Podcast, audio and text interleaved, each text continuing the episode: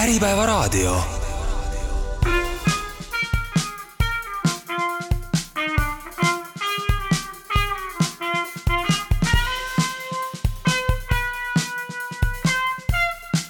Soraineni sagedus, mitu arvamust, üks eesmärk. tere tulemast kuulama järjekordset Sorenini sagedust, mina olen äh, Maarja Sõmm, minuga on siin täna Oliver Ämarik. ja suur rõõm, au ja uhkus on äh, öelda, et meil on täna saates külaliseks Edi Lutterus, äh, Justiitsministeeriumi õiguspoliitika asekantsler, tervist! tere päevast! ja hea kolleeg, Sorenini partner Piret Jesse, tere! tere! ja nagu arvata nendest suurkujudest meie saates täna, me vaatame tagasi õigusloome aastale kaks tuhat kakskümmend kolm ja võib-olla edasi ka õigusloome aastale kaks tuhat kakskümmend neli,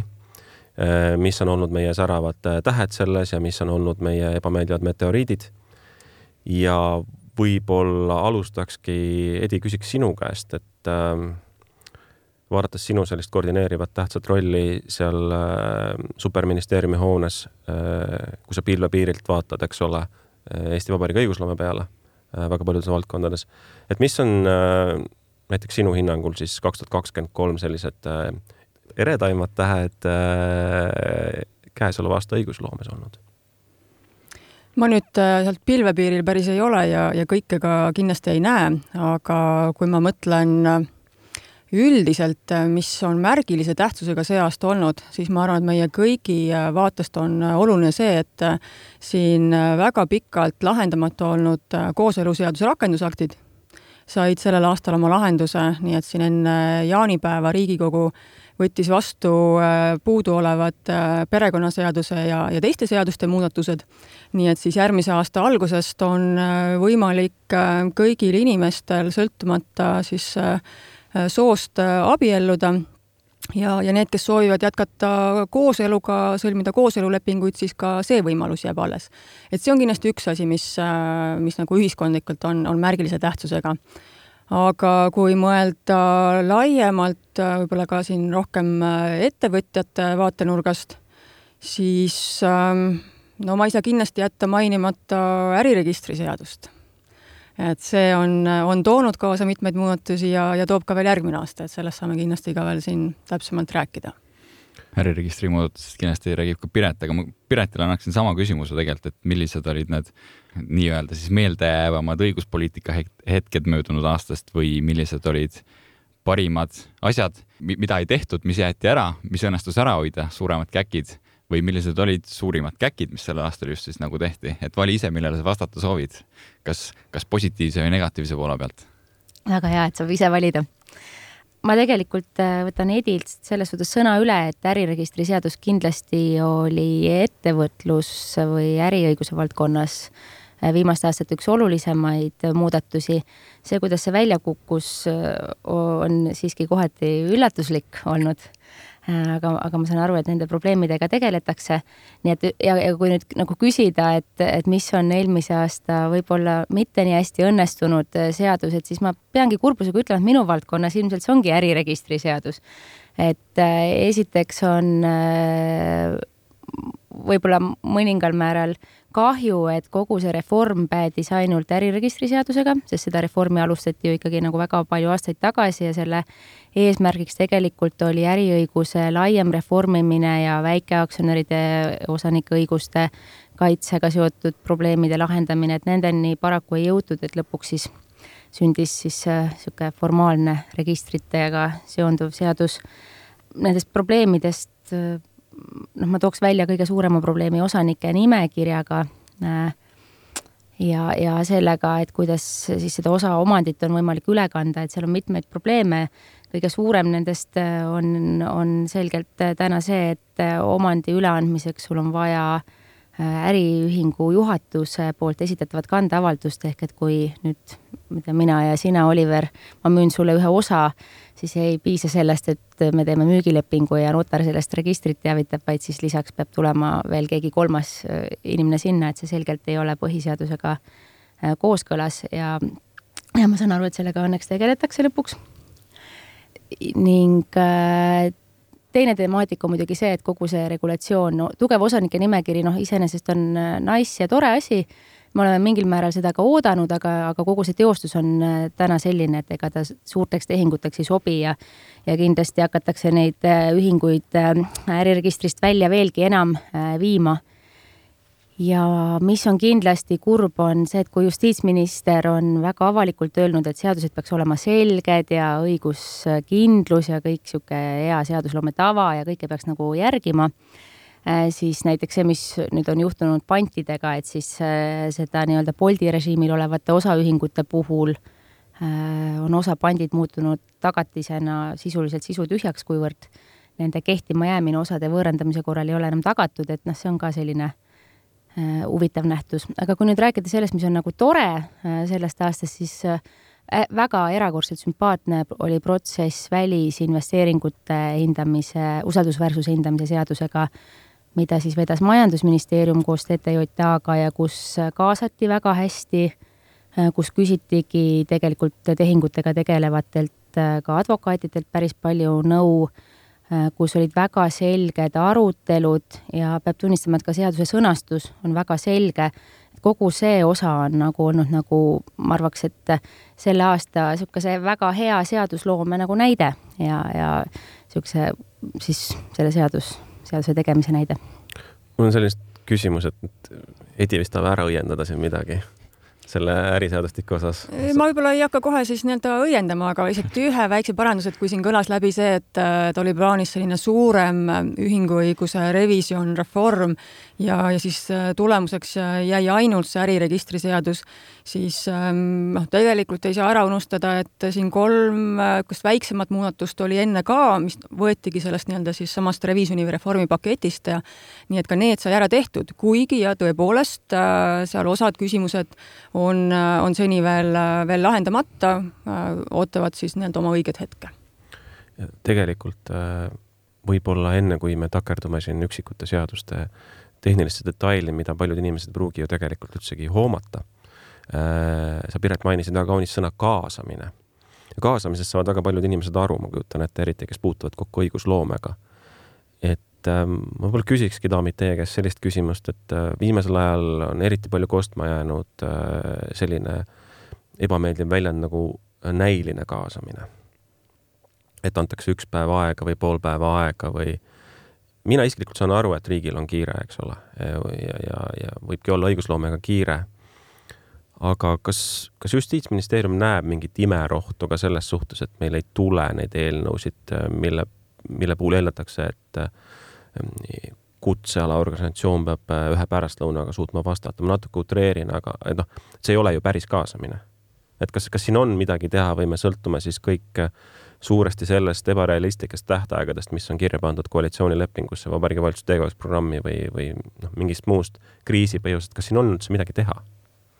Kaasamine on igal juhul oluline, selles suhtes, et ega siis äh, keegi meist äh, ütleme nii-öelda ministeeriumis äh, seadust välja töötades ei suuda ette näha kõiki neid mõjusid, mis ühel seadusel võivad olla ja, ja selleks on noh, nii-öelda elementaarne see, et sa lähed ja küsid, et et mis siis põllul toimuma hakkab, kui me nüüd sellise muudatuse teeme. Samas tuleb siin paratamatult arvestada ka selle reaalsusega, et, et kui ongi mingid nii-öelda kriisiolukorrad, me oleme siin kahjuks viimaste aastate jooksul väga palju neid erinevaid kriise näinud, alates siis siin nüüd juba tundub väga kauge aeg, kus meil oli koroona olukord väga akuutne, sellele järgnenud erinevad nii-öelda kas või siin Valgevene piiril olnud rändekriis, äh, nüüd on meil Ukraina sõda, vahepeal oli veel energiakriis, näed, tahab endaltki juba meelest ära minna, eks, siis äh, sellistes olukordades on ka arusaadav, et neid muudatusi on ka vaja kiiremini teha. tegelikult ka ühiskonna ootus on sellistes olukordades, et see, et riik peab kiiremini reageerima. nii et noh, sellises olukorras ma ütlen, et ega siin ei olegi mingit äh, võlurohtu, et kuidas me siis ühtepidi tuleme vastu ootusele, et me reageerime kriisidele kiiresti ja teistpidi jääb siis nii-öelda see niisugune äh, tavapärane või, või piisav pikk äh, aeg nende muudatuste üle mõelda. et nendes olukorras ma arvan, et me mõlemad pooled peavad lihtsalt leidmagi selle äh, siis äh, kesktee, et, et kui palju see mõistlik aeg on, et kas me suudame kolme päevaga oma, oma arvamuse ära esitada või, või mitte. kindlasti ei tohiks aga muutuda reegliks. ja kui me näiteks siin Justiitsministeeriumis oleme vaadanud äh, sellel aastal äh, ka välja töötatud ja siis avalikkusele kooskõlastamiseks esitatud eelnõusid, siis nendest ikkagi üle poole on olnud need, mis arvestavad sellist normaalset kaasamise läbirääkimise protsessi, kus siis ikkagi selliseks, ütleme, kolm nädalat antakse osapooltele aega arvamust avaldada. Need, mis on teravalt jäänud silma viimasel ajal, on olnud tõepoolest need muudatused, mis on seotud olnud näiteks kas siis riigieelarvega, või siis ka tõesti koalitsioonileppe täitmisega. ja seal me ka näeme, et need, need ajad on olnud äh, lühemad. mida teha või mitte, ma arvan, teistpidi ütleme, et äh, jättes kõrvale küsimuse, kas automaks on hea või halb, see, aga, aga see, et näiteks äh, automaksu puhul tuldi ikkagi alguses välja väljatöötamiskavatsusega, et pandi mingisugused variandid lauale, öeldi, et palun öelge, mis te arvate, saadi mingi tagasiside kätte ja siis mindi äh, uuesti alles nii-öelda laua taha tagasi mõtlema, et okei okay,, mis me siis nüüd tegelikult siia regulatsiooniks välja pakume, et see on pigem isegi nagu hea näide, et, et võeti natuke nagu aega tagasi, et vot, see on niivõrd põhimõtteline muutus, mõtleme natuke, kuulame ja tuleme siis äh, pakkumisega välja, nii et on võimalikud ka teised lahendused, kui anda ainult üks päev. aga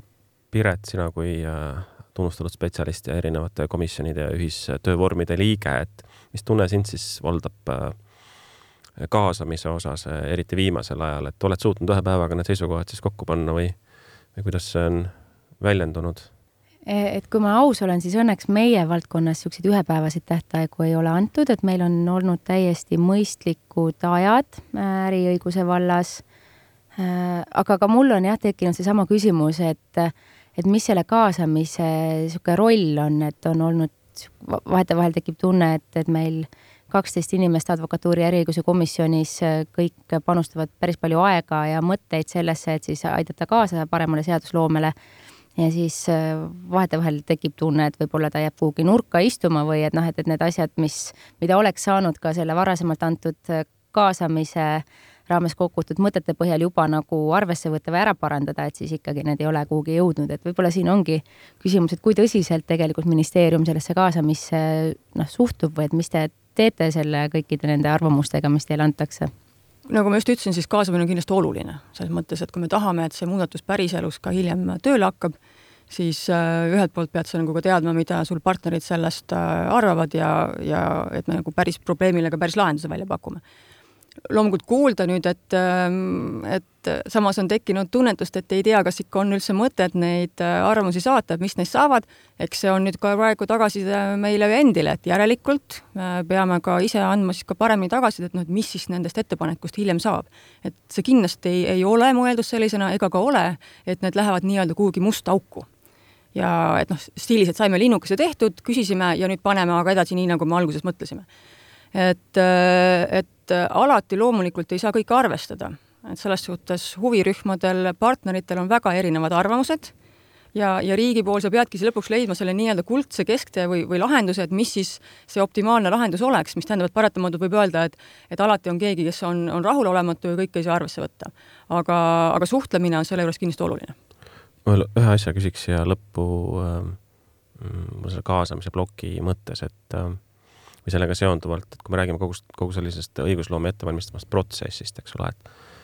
et ma kujutan ette, et sul ja ka ja Piretil on selline pikaaegne kogemus, noh, sinul siis õigusloojana ja, ja Piretil siis inimesena, kes annab sisendit, eks ole, et et kuidas nende viimaste aastate puhul, noh, ma ei tea, kui pikka perspektiivi me võtame, et, et kui palju siis on muutunud see õigusloome ka võib-olla ministeeriumi poole pealt, võib-olla ka laiemalt, et kas seal on olnud mingisuguseid protseduurilisi olulisi muudatusi või teil on kavas midagi teistmoodi teha näiteks, millest oleks praegu paslik rääkida. sest mulle endise õigusloome ametnikuna tundub natukene nagu see noh, kontseptsioon olnud alati see, et, et kogutakse mõtteid, eks ole, väljastatakse eelnõu, kogutakse mõtteid, väljastatakse eelnõu uuesti ja niimoodi ta jõuab siis oma auväärse lõpuni Riigikogus, kui ta jõuab, eks ole, aga on seal mingeid, mingeid huvitavaid nüansse tekkinud protsessi juurde viimastel aastatel või on plaanis? Ma ütleks, et üldjoontes see protsess on ikka sama, et eh, ega siin nii-öelda uut jalgratast leiutada ei ole võimalik, nagu sa ise kirjuta-, kirjeldasid, siis äh, kõigepealt kerkib probleem, ükskõik, kas te ise toote selle meile välja või me ise saame teada, et on, on, oleks vaja midagi muud teha või tuleb äh, tõesti nii-öelda poliitikutel see, see soov midagi muuta, töötame välja eelnõu, suhtleme, kaasame, valitsus kiidab heaks, Riigikogu arutab ja lõpuks president kuulutab ka välja, et ega siin olemuslikke muudatusi selles protsessis ju tegelikult väga teha ei saagi, institutsioonid on ikka kõik samad, aga mida on näiteks viimased aastad näidanud, on see, et, et vajaduse korral on kogu see meie protsess väga paindlik, just nimelt nendes kriisiolukordades. Et äh, kui muidu võib-olla oli selline tunnetus, et no, et kui me juba hakkame seadust muutma, et noh, see on nagu järgmised kolm-viis aastat me kõike teeme seda, eks. tegelikkuses, kui on vaja, on seda võimalik noh, nii-öelda tinglikult poole aastaga ka ära teha. Eks sellel on need oma riskid, et sellega võib nagu ära harjuda, et kui nii kiiresti saabki teha, et äkki peaks kogu aeg siis nii kiiresti tegema, et see ei ole kindlasti ka eesmärk tahtsingi küsida selle kohta korra siia vahele, et, et enne, enne ka meil korra käis jutu seest läbi erinevad kriisid, koroona ja siis, siis algasid siin erinevad sõjad. kriisi ajal on, on põhjendatud mingite meetmete kasutamine kindlasti ka õigusloome valdkonnas, aga, aga ma tahtsin, noh, kuigi me oleme nüüd ka liikunud ühest kriisist teise, meil niisugune hetkel ei ole niisugust päris head hingetõmbeaega olnud, aga kui me näiteks vaatame koroonakriisile äh, tagasi, siis kas me näeme, et mingid mõjud sellest perioodist on nagu üle kandunud ka nii-öelda normaalsusesse või selles suhtes pärast koroonaaega just õigusloome valdkonnast? et, et kas me näeme, et äh, midagi on muutunud nende tagajärjel? või, või need olid ikkagi niisugused erakor-, e-, er, erakorralised meetmed, mida, mida siis kasutati ja need jäid sinna? see oli desperate times need desperate measures. just. koroona oli kindlasti äh, erandlik testis nii-öelda neid piire, aga ma ei ütleks, et sellest on nüüd tulnud äh, püsivad äh, tagajärjed või mõjud äh, meile praegusele olukorrale nagu sa ka ise ütlesid, meil on olnud äh, see olukord, kus me nii-öelda lähme ühest kriisist teisi, teise, ehk äh, mõneti võiks mõelda, et kas meil on üldse põhjust rääkidagi, et noh, me oleme kogu aeg mingis kriisis, et me peamegi lihtsalt sellega leppima, et me, nii-öelda tavapärane olukord on meil äh, tänapäeval muutlikum ja, ja, ja nii-öelda kriiside rohkem, ehk me lihtsalt ise peame selle olukorraga kohanema ja vajaduse korral meie nii-öelda see üldine protsess ja õigusloome koos sellega, eks et üks teema, mis ma võib-olla siia nende kohe juurde ära mainin, et mis kogu seda õigusloomeprotsessi äh, mõjutab, on äh, kindlasti Euroopa Liidu õiguse pool. et, äh, et see tundub meile, et see on mingi omaette asi kuskil Brüsselis, aga noh, tegelikult see mõjutab täpselt sama vahetult meie igapäevaelu ja tegemisi, nagu see, kui meil Riigikogu siin nii-öelda lihtsalt nii-öelda omaalgatusel seadusi vastu võtab. et, et see kindlasti paneb teatud mõttes ka sellele muule tegevusele oma, oma pitseria jälje peale ma arvan, et see Euroopa Liidu õiguse teema on niisugune võib-olla suurem teema, ma isegi teeks ettepaneku võib-olla sellele saate teises osas korra tagasi tulla ja, ja selle, selle üle täpsemalt arutada, aga, aga ma tahtsin veel selle kohta küsida, et ütleme, et me oleme täna rääkinud siin õigusloome protsessist, et kuidas ta nii-öelda algab ja kuidas see, kuidas me jõuame sinna seaduseni välja, siis et milline on olukord äh, järelhindamisega, kui palju teostatakse seaduste järelhindamist pärast seda, kui need on välja kuulutatud, eraldi, eriti just näiteks nende seaduste puhul, mis on tehtud niisuguses äh, kiirkorras võib-olla, et hinnata seda, kas me ikkagi nüüd saime asjale pihta, ma ei tea, kas siis kahe-kolme-viie aasta pärast, kui palju see levinud on Eestis? Äh, meile alati meeldib äh, ennast ja Eesti riiki võrrelda sellega, et kuidas teistel riikidel läheb võrdluses meiega. ja tänuväärne võrdlusmaterjal on OSCD ja OSCD näiteks toob Eestit alati eeskujuna välja küsimuses, et kuidas me siin oma õigusaktide mõjusid hindame et teiste riikidega võrreldes oleme siin väga eeskujulikud. et ikkagi me tegelikult oma seaduste puhul üritame hinnata, mis need kaasnevad mõjud on. nüüd tuleb see aga. see, kus meil on arenguruumi ja kus me ka siis ütleme, teiste riikidega võrdluses ei ole veel äh, nii kaugele jõudnud, on just nimelt see mõjude järelhindamine. et kui me oleme juba mingi seaduse vastu võtnud, siis selle protsessi loomulik jätkuv osa peaks olema see, et me ka vaatame, et kuidas seda siis päriselus tööle hakkab kas ta hakkab sellisel kujul tööle, nagu me plaanisime või ei hakka, tulevad need mõjud, mida me soovisime või on mingisugused ootamatud kõrvalmõjud. ma ütlen, ühtepidi peaks olema nagu loomulik äh, protsess, et sa alati vaatad, mis sest saab. et ega see ei ole nagu see, et sa avaldad Riigi Teates seaduse ära ja nüüd me kõik äh, homsest sellest äh, hetkest hakkame täpselt nii käituma, nagu Riigi Teates kirjas on noh, me ilmselt ise ka ei käi juristidena iga päev Riigi Teatajas äh, vaatamas, mis seal nüüd siis äh, huvitavat avaldatud on, rääkimata muudest inimestest ja, ja ettevõtjatest. ja, ja no järelhindamine on veel noh, iseenesest ka veel niisugune täiesti eraldi instituut, äh, instituut ka, et et oluliste seaduste puhul võiks selle ka täiesti seadusesse eraldi kirja panna no võtame siis sama automaksu näide, mis siin käis, et see on täiesti uus maks, et noh, näiteks võiks ju kaaluda seda, et automaksu puhul nähakse seaduses kohe eraldi ette, et mingisuguse aja pärast, näiteks viie aasta pärast hinnatakse, et kuidas see asi on siis rakendunud. siis tehakse selline eraldi mõjuhinnang, see ka avalikustatakse, on võimalik kõigil äh, oma arvamust avaldada, Riigikogu saab selle üle ka vajadusel debatti pidada, et siis on ka nii-öelda avalikult näha, et mis siis tegelikult toimuma hakkas. Seda meil väga palju praegu ei ole, aga see on selline arengusuund, et kuhu me võiksime rohkem liikuda, et me teadlikult ka hindame oma seaduste mõjusid. eks ma saan sellest niimoodi siis aru, et äh, tuleb sinna rakendussättesse siis äh, kohustus äh, Justiitsministeeriumile või kellele iganes see, kes iganes seda eelnõu on välja töötanud, näiteks äh, kohustus teostada järelhindamist, eks ole, seletuskirjas on siis sellega kaasnevad kulud ära määratletud ja siis lepitaksegi sellega, et nüüd viie aasta pärast olgu aruanne olla no põhimõtteliselt küll jah, seaduse lõppu pannakse kirja, et see ministeerium, kelle, kelle valdkonda see küsimus kuulub, peaks siis äh, mingi aja pärast äh, need mõjud äh, ära hindama ja, ja siis selle ka pärast avalikustama, et see ei ole lihtsalt nii-öelda kabineti vaikuses tehtud mõju hindamine, vaid see on ikkagi avalik mm. -hmm. Piret, kui palju sinu praktikas oleks vaja teha nii-öelda mõjude järelhindamist? ma jäin praegu selle automaksu osas üldse mõtlema selle peale, et minule tundub see viimane lahendus, mis nagu välja tuli äh,, väga küsitav niisuguste meie suuremate eesmärkide ja kliimaeesmärkide valguses. ja mulle tundub üldse, et kui seadusi teha, siis äh, tegelikult äh, peaks natukene suuremat pilti vaatama kui niisugust lühiajalist äh, siis riigieelarve näiteks täitmise aspekti ja hindama tegelikult äh, nende lahenduste sobivust äh, suuremast pildist lähtuvalt.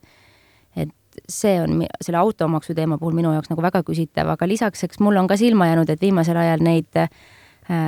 eelnõusid või siis ka VTK-sid, kus mõjude analüüs jäetakse üldse ära ja ka võrdlevaid äh, analüüse ei tehta, et neid tuleb ja, ja see on, tekitab ka küsimust. Ja siis eriti tekitab küsimust selle valguses, meil on näiteks täna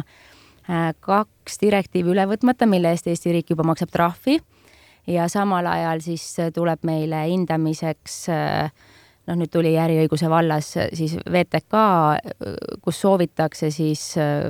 nendel ettevõtetel, juhatuse liikmetel, kellel majandusaasta aruanded on esitamata, nüüd hakata keelama ühingute asutamist, osa, osaluste omandamist. et noh, mulle tekitab see küsimus, et praegusel ajal tõesti sellega tegeleme, et olukorras, kus alles kaks kuud tagasi tuli ministeerium välja selle massi kustutamise plaaniga, et, et mul, mulle see prioriteetide küsimus vist on kõige rohkem jääb nagu silma, et, et ku, ku, kuidas siis praegu ja sellisel viisil. et, et äh, mulle võib-olla meeldiks see selline nagu suurema pildi ja ökoloogia arvestamine äh, rohkem. Oliver, mis su memo ütleb, kuhu me nüüd edasi liigume? ja me saate esimeses osas tegelikult ju rääkisime korra põgusalt Euroopa Liidu õigusest ja ma arvan, et selle juurde oleks, oleks nüüd hea tagasi tulla korra, et Euroopa Liidu õigus käib tihti nagu läbi erinevatest äh, arvamuslugudest mitmete erinevate aspektide alt. küll selle alt, et äh, meil toimub ülereguleerimine ja kas me suudame seda mm, halduskoormust nii-öelda ära, ära hallata, mis, mis tekib seoses liidu õiguse ülevõtmisega, kui teiselt poolt see, et me tegeleme et, et kas Eesti on näiteks liiga eeskujulik direktiivide ülevõtja ja kas me tegeleme sellise gold plating uga nii-öelda, et, et ma võib-olla annaksingi täiesti nii-öelda, viskaksin õhku sellise küsimuse, et, et kui, milline see, milline see olukord siis selle liidu õigusega on. kas me peame kõik üle võtma niimoodi, nagu see Brüsselist kirja saab? Kas, kas ka selle kohta on kuidagi mingi niisugune analüüs kuskil valminud, et milline, milline nii-öelda seaduste ülevõtja siis Eesti on, et kas me oleme seal nii-öelda tubliduse topis, kui nii võib öelda? ma tulen kohe su küsimuse juurde, aga kõigepealt ma viskan ise ühe küsimuse õhku teile kõigile enda tagasi. aga no mis te arvate, kui palju on äh, iga aasta Euroopa Liidu õiguse mahtu, ütleme, et me võtame kõik need seaduseelnõud, mida menetletakse, mitu protsenti nendest on seotud Euroopa Liidu õigusega? Ma pakuks seitsekümmend. seitsekümmend kõlas? ma pakun, ma pakun veits vähem, ma ütlen kuuskümmend viis. kuuskümmend viis. auhind ka on või? ma ei oska pakkuda ma arvan ka pigem kuuskümmend, kuuskümmend viis no see tunnetus tegelikult näitab, et, et Euroopa Liidu õiguse osakaal seadustest on väga suur. nii suur ta tegelikult ei ole, et ta iga-aastaselt püsib kuskil kolmekümne protsendi juures wow.. Et äh, kolmkümmend protsenti kõikidest seadusest, mida siis me, me siin menetleme, välja töötame, Riigikogu vastu võtab, on seotud Euroopa Liidu õiguse rakendamisega. statistikaseaduste arvu põhjal või? paragrahv, see on- paragrahvide arvu põhjal, ma arvan, tuleb ikka seitsekümmend protsenti ära. see, vot paragrahve ja sätteid me ei ole lugenud, see on tõsi, et, et see veel ei ütle, eks ole, et kui mahukas või Mhm. detailne see regulatsioon on, see on kindlasti omaette küsimus. aga, aga puhtalt nende seaduste muudatuste mõttes on see kolmekümne protsendi juures. Ja, ja see Euroopa Liidu õiguse maht äh, on iseenesest omaette küsimus, et äh, väga raske võibki olla tegeleda mingite probleemidega, mida siin kas või Piret praegu välja tõi, et et äh, nendele peaks hakkama lahendust leidma, kui meil samal ajal käib pidev aktiivne õigusloome siis äh, Euroopa Liidus. Sul tulevad uusi algatusi, sa kujundad nende kohta Eesti seisukohti, et äh, saada need äh, direktiivid, määrused nii heaks, kui nad siis äh, on võimalik saada Eesti väikeriigi poolt ja, ja kui need ka vastu võetakse, pead sa ju hakkama neid kõiki kohe ka jälle üle võtma, eks see on niisugune nii-öelda nagu igiliikur on see protsess, et seal ei teki mingit sellist kohta, kus öeldakse, et stopp, nüüd vaatame, et kuidas need asjad kõik siin nii-öelda rakenduvad, et, et kogu aeg tuleb mingisugune nii-öelda uus, uus kiht nagu peale. Ja nüüd öelda, et kas me Eesti riigina võtame neid asju äh, kuidagi liiga agaralt üle, ma ei ütleks. selles suhtes, et äh, kui Euroopa Liidus on kokku lepitud, et mingisugune direktiiv tuleb, siis äh, nüüd sõltub. direktiiv võib olla selline, mis ei jätagi Eesti riigile ega ühelegi teisele liikmesriigile siin mingit valikuruumi. sa ei saa seda võtta üle rangemalt ja sa ei saa seda võtta ülegi kuidagi nii-öelda lahjemalt. sa peadki täpselt nii üle võtma, nagu direktiivis on kokku lepitud. Aga paljudes direktiivis, direktiivides on ikkagi see, et sulle jäetakse riigina otsustuskohad kas sa tahad neid muudatusi rakendada varem või hiljem, kas sa kasutad mingisugust äh, erandit, erand võib tähendada seda, et sa saad kehtestada ka rangemaid nõudeid, teatud juhtudel ka pehmemaid nõudeid. oluline on see, et kui riik, iseseisev riik neid valikuid siis teeb, et kuidas ta seda direktiivi üle võtta soovib, et see oleks läbipaistev ja arusaadav. Miks me mingis küsimuses tahame näiteks siis laiemalt üle võtta või, või siis noh, vastupidi, võib-olla hoopis kitsamalt, eks ole, tagada vähem õigusi? Ma viskan ka ühe mõtte siis siia otsa. Ja see tuleb sellest, mida Piret äh, mainis korra, need äh, trahvid, mis meile tiksuvad äh, direktiivide üle, ülevõtmisest, et minu eelmise elu kogemus õigusloomes ütleb natukene seda. Ja ma ei tea, kas Justiitsministeerium või seadusandja on sellega tegelenud, et Eesti seadusandja, ütleme siis Riigikogu osalemine Euroopa Liidu õiguse kujundamisel Brüsseli suunal on väga nõrk. Sellepärast, miks ma seda ütlen, on see, et me oleme ise selle direktiiviga nõus olnud, minu, minu puhul, noh, mis iganes direktiividega tegelikult enamasti, et minu puhul on väga kahepalgeline öelda pärast Riigikogus, et et me hakkame nüüd võitlema dokumendiga, mille me ise oleme käe alla pannud, mille puhul me oleme ise hääletanud, me oleme sellega nõus. ja kuskilt need käärid ju tulevad, et, et kas sa nõustud selle hinnanguga ja kui sa nõustud selle hinnanguga, et mida siis saaks äh, ära teha selle heaks, et me ei hüppaks siis alt ära eelnõude osas või direktiivide eelnõude osas, millega me ise oleme Brüsselis nõus olnud? riigikogu osaleb siis direktiivide ja Euroopa Liidu määruste protsessis ju tegelikult algusest peale. ta, tema lauale ei jõua need alles siis, kui tuleb nii-öelda seadus, mis juba direktiivi üle võtab vaid nemad peavad andma oma lõpliku peanoogutuse ka nendele seisukohtadele, mille alusel siis ametnikud lähevadki Brüsselis töörühma, tõstavad näpu püsti ja ütlevad, et meil on siin mingi asjaga probleem ja me tahame siin midagi muuta mm. -hmm. see mandaat on, on meile antud kaasa Riigikogu poolt.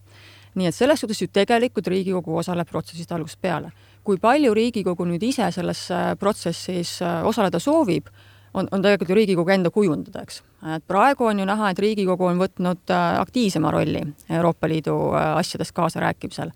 ja, ja eks siin ongi see noh, Riigikogu enda kujundada, et kui aktiivselt ja milliste algatuste puhul Eesti riigi jaoks on, on oluline siis rohkem kaasa rääkida. Sest tõepoolest, nagu sa ise ütlesid, et kui me oleme juba seal Brüsselis laua taga olnud, kokku leppinud mingisuguses direktiivis ja määruses ja kõik liikmesriigid peavad selle üle võtma ja rakendama hakkama, siis on väga vähe midagi nagu teha. et meil ei ole siis enam varianti öelda, et me ütleme, et meile nüüd lihtsalt see ei meeldi ja me ei tee. me võime loomulikult uuesti pöörduda siis Euroopa Komisjoni poole ja teha ettepanekuid, et mingeid asju tuleks uuesti avada, aga see on kõik väga pikk eraldi protsess mm. -hmm, mm -hmm. Siis, kui me ei suuda oma valudes, valudele leevendust leida, siis me maksame trahvi ja niimoodi ta läheb. See on paratamatult see nii-öelda süsteem jah, et, et kõik liikmesriigid lõppastmes peavad siis need direktiivid üle võtma direktiivil on siiski mingisugune eesmärk olnud, milleks ta on ju vastu võetud, mingi probleemi, mida ta peaks üle-euroopaliselt äh, lahendama, kas või näiteks mingit kas tarbijakaitse tasemet ühtlustama või ka lihtsustama ettevõtete tegevust erinevate liikmesriikides äh, siin piiriüleselt. nii et selleks, et see toimiks, siis äh, olgu see Eesti või mõni teine riik, siis ka trahv võib olla lõpuks see meede, millega nii-öelda siis nügitakse liikmesriiki seda tegema Piret, praktiku va nii-öelda vaatenurgast võib-olla küsiks sinu käest, et kas või kui palju sa näed oma igapäevatöös seda, et äh, meie õigusruumis on võetud liidu äh, õigust üle kuidagi karmistavalt või et see, ma ei tea, kas siis pärsib Eesti ettevõtete konkurentsivõimet, et nad ei saa tegutseda nii vabalt võib-olla kui mõnes teises liikmesriigis või kas see on üldse probleem? No ütleme, kui ta ei oleks probleem, siis seda meil ka siin välja ei toodaks, et meil on nagunii ühte ja teistpidiseid näiteid, et positiivse näitena ma jälle tooksin ka välja sellest aastast seda välisinvesteeringute mõju hindamist, mis tegelikult Eestis on nagu võetud äh, üle, ütleks, et isegi paremini kui mõnes teises liikmesriigis, et on selge. Äh, nüüd ja noh, kui rääkida nendest trahvidest, siis nagu vilepuhu ja direktiivi puhul see nagu venitus, noh, ma ei näe, et see oleks nagu õigustatud, ta on tegelikult niivõrd tehniline ikkagi direktiiv, mida üle võtta, et seal selline megapikk viivitus, noh, kindlasti seda oleks saanud vältida. konkurentsidirektiivi puhul, noh, ma arvan, seal on, siin kolleeg Norman Aas ka paar nädalat tagasi kirjutas, et seal on see gold plating ikka päris kõva, et ja, ja see on ka vastuolus tegelikult nii valitsuse enda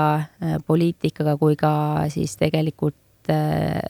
varasemalt eh, direktiivi eh, menetlusse antud sisendiga Eesti riigi poolt, et seal küll on ka mul, mul tekib jälle nagu küsimusi, et kas me ikkagi peame nagu olema nagu oma ettevõtjate suhtes nagu nüüd niivõrd ranged ja et kas me nagu tõesti, eh, et kas riik tõesti ei usalda ei meie ettevõtjaid ega siis ka meie menetlejaid ja kohtusüsteemi kuulan üllatusega, et ma nüüd, ma mõtlen näiteks konkurentsivaldkonna peale ja sellele, et kuidas siis äh, konkurentsijärelevalve menetlust Eestis teha ja seda direktiivi üle võtta, et äh, kus on seal see ülekuldamine, et kõik teised liikmesriigid, välja arvatud siis nüüd Eesti, on samasugusele menetlusele üle läinud, konkurentsijärelevalve menetlus toimib, et et ähm, ma, ma, ma ei oska isegi nagu kommenteerida, et mida me seal siis nii-öelda väga üle kuldame. Ja, ja kui me sellise eelnõuga oleme juba praegu läinud ka valitsusele, valitsusse, siis äh, ei saaks kuidagi ka öelda, et see on valitsuse enda plaanidega vastuolus. Siin oli võib-olla hea, Piret mainis ka korra seda, et äh, just selle konkurentsidirektiivi ülevõtmisega seoses, et, et see on vastuolus valitsuse varasema sisendiga, ma ei ole küll pädev seda ise kommenteerima, aga aga see on just see asi tegelikult, millest, mida ka Maarja just ka enne mainis, et eh, liidu õiguse puhul on minu teada ka see, et liidu õiguse puhul tihti ei pea seda VTK-d koostama, kuivõrd see sisend peaks olema juba antud sinna liidu, liidu õigusakti koostamisel, siis ka, et kas see on nagu, kas see on tavapärane, et liidu õiguse ülevõtmisel ka teistes liikmesriikides näiteks ei koostata VTK-sid või ei tehta mõjude hindamist eraldi, kui liidu õigust üle võetakse siseriiklikusse? Kõigepealt selline asi nagu väljatöötamiskavatsus, noh, VTK väga paljudel ei pruugi, kõlab niisuguse nagu slängina, et täpselt aru ei saa, millest räägitakse, eks. aga et väljatöötamiskavatsus, mis peaks eelnema sellele, kui enne, kui me panemegi reaalselt nii-öelda paragrahvides mingisuguse seaduseelnõu lauale, siis ega see ei ole nii-öelda asi, mida kõik teised riigid teevad see on sageli ikkagi päris nagu erandlik, sest me teeme, noh, peaks seda tegema justkui enamuse seaduste, seadustele eelnevalt nii et, äh, et selles mõttes on see, on see juba midagi enamat, mida Eesti riik äh, teeb, aga mis puudutab Euroopa Liidu äh, algatusi, siis ei pea tegema väljatöötamiskavatsust siis, kui juba varasemas selles direktiivi või määruse läbirääkimise protsessis me oleme neid mõjusid hinnanud. ja, ja ka see, mis hiljem siis vastu võetakse Euroopa Liidus, et see ei muutu olemuslikult nii palju, et oleks vaja kogu seda protsessi siis lihtsalt nii-öelda üle teha kui siin käis läbi see rikkumisest teavitaja kaitse, siis näiteks see on just üks selline näide, kus ka Euroopa Liidu äh, direktiivi puhul tehti väljatöötamiskavatsus. sellele ei tulnud mingit äh, tohutut äh, kriitilist tagasisidet. aga väga sageli tõepoolest väljatöötamiskavatsusi Euroopa Liidu algatuste puhul ei tehta.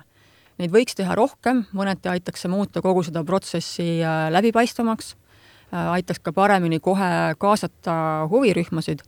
et, et noh, siin on mõtlemise koht, et kas ja kui palju sedasi rohkem teha. Piretil oli mingi buklett avatud siin. jaa, ma, ma tahtsin lihtsalt täpsustada, et kõik Euroopa Liidu liikmesriigid ei ole kindlasti seda konkurentsidirektiivi nagu sellisel viisil üle, üle võtnud nagu Eesti, et esiteks direktiiv ise ei nõua, et selle otsuse peaks tegema konkurentsijärelevalveasutus. Ja trahvi kohaldamise õigus on kohtule antud näiteks Austrias, Iirimaal, Maltal, Soomes ja Taanis. tead, minul on siin väga tähelepanek, mina kunagi tegelesin selle direktiiviga et ma võib-olla ei tahaks sinna minna, ma natuke olen äh, selles mõttes,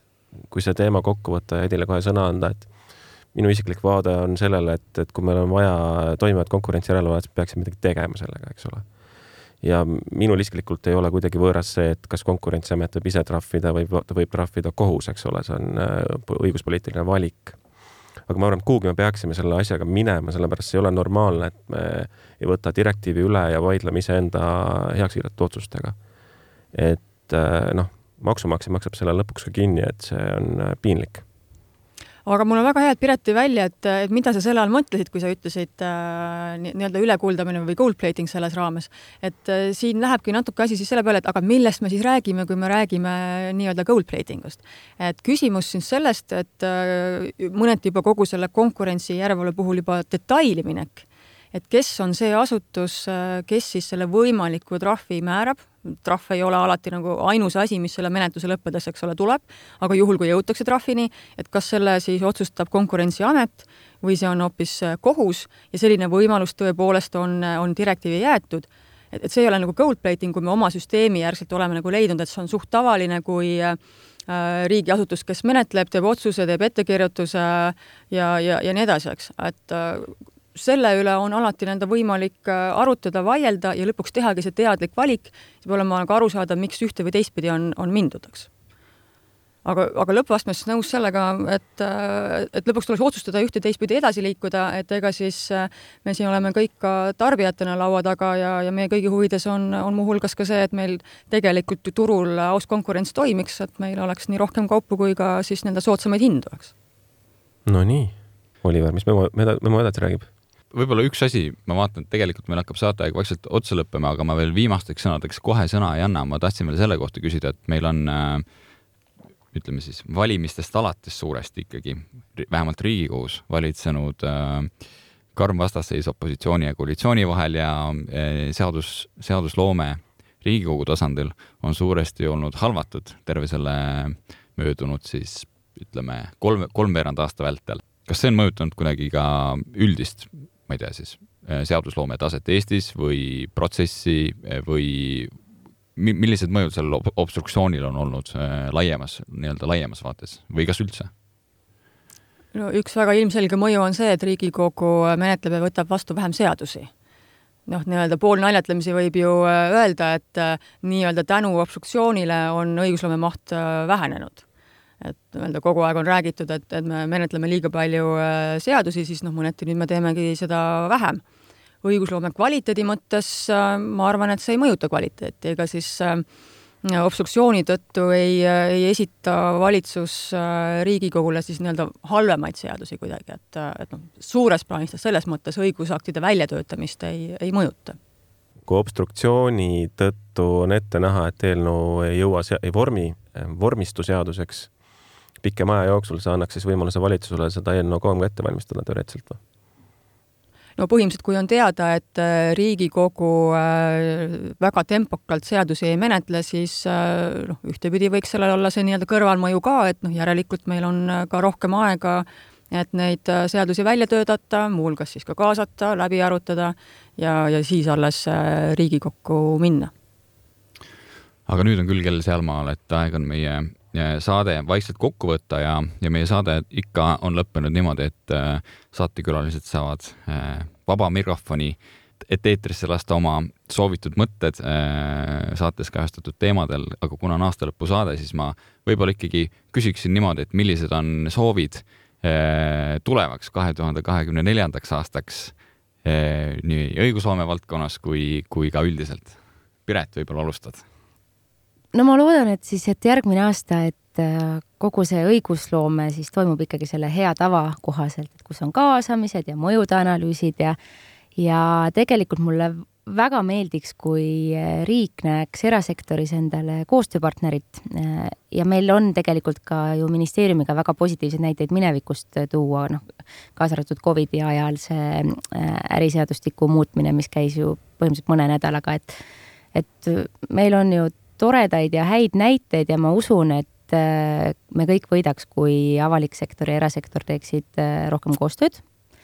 Ja siis äh, teine soov oleks järgmiseks aastaks võib-olla see, et, et ka kõikide nende seaduste raames ikkagi mõeldaks veel rohkem sellele suurele pildile, mitte ei lähtutaks mingist väiksest eesmärgist, et noh, näiteks, et meil on riigi kassat vaja täita hetkel, vaid et tegelikult meil on keskkond ja maailm, mida me tahame jätta oma lastele. Et kuidas need meetmed, mida me täna rakendame, aitavad kaasa siis nende suuremate eesmärkide saavutamisele nõustun kindlasti sinu poolt öelduga, et äh, õigusloome hea tava äh, tuleb järgida ja kindlasti on jätkuvalt meile ka erasektor koostööpartneriks ning kui võtta nüüd kinni sellest, mis sa viimati öeldasid, et väga niimoodi tulevikku vaatavalt, et meil oleks midagi oma järeltulevatele põlvedele jätta, siis järgmine aasta kindlasti saab olema üks olulisemaid teemasid ju kliimaseadus et täna me sellest ei, ei rääkinud, aga, aga see paneb kindlasti paika valikuid äh, mitmeteks järgmisteks aastateks nii meile kõigile kui ka, kui ka ettevõtjatele. Aga iseenesest on äh, järgmisest aastast oodata ka ettevõtjate vaates mitmeid äh, jätkuvaid ja uusi algatusi, aga mulle tundub, et see on juba ainest nagu järgmiseks saateks, et täna nendest rääkida ei jõua aga veel väikse sellise lõpuõiendusena, et kui me siin täna äriregistri seadusest natuke rääkisime, ütlen juba ette ära, et et ka vigade parandus äh, on tulemas, küsimus, mis puudutab äh, osanike registrit. ja, ja, ja samuti äh, mis puudutas asutamise piirangute võimalikku kehtet-, kehtestamist, mida siin ka Piret mainis, siis ega see ei olegi välja käidud ideed, et saada tagasisidet, nii et see ongi selline ühine kaasamise koostööprotsess, et et vaatame, kuidas siis edasi minna, et ikka erasektoriga koostöös ma tänan teid kõiki kuulamast. Äh, kuulasite meie aasta viimast Soreneni sagedust, äh, vaatasime minevikku, äh, milline oli õigusloome aasta kaks tuhat kakskümmend kolm, milline on õigusloome aasta kaks tuhat kakskümmend neli edasi. Külas olid Hedi Lutterus Justiitsministeeriumist, hea kolleeg Piret Esse ja kuulake meid siis ka järgmistel kordadel. Kuulmiseni! jumalaga!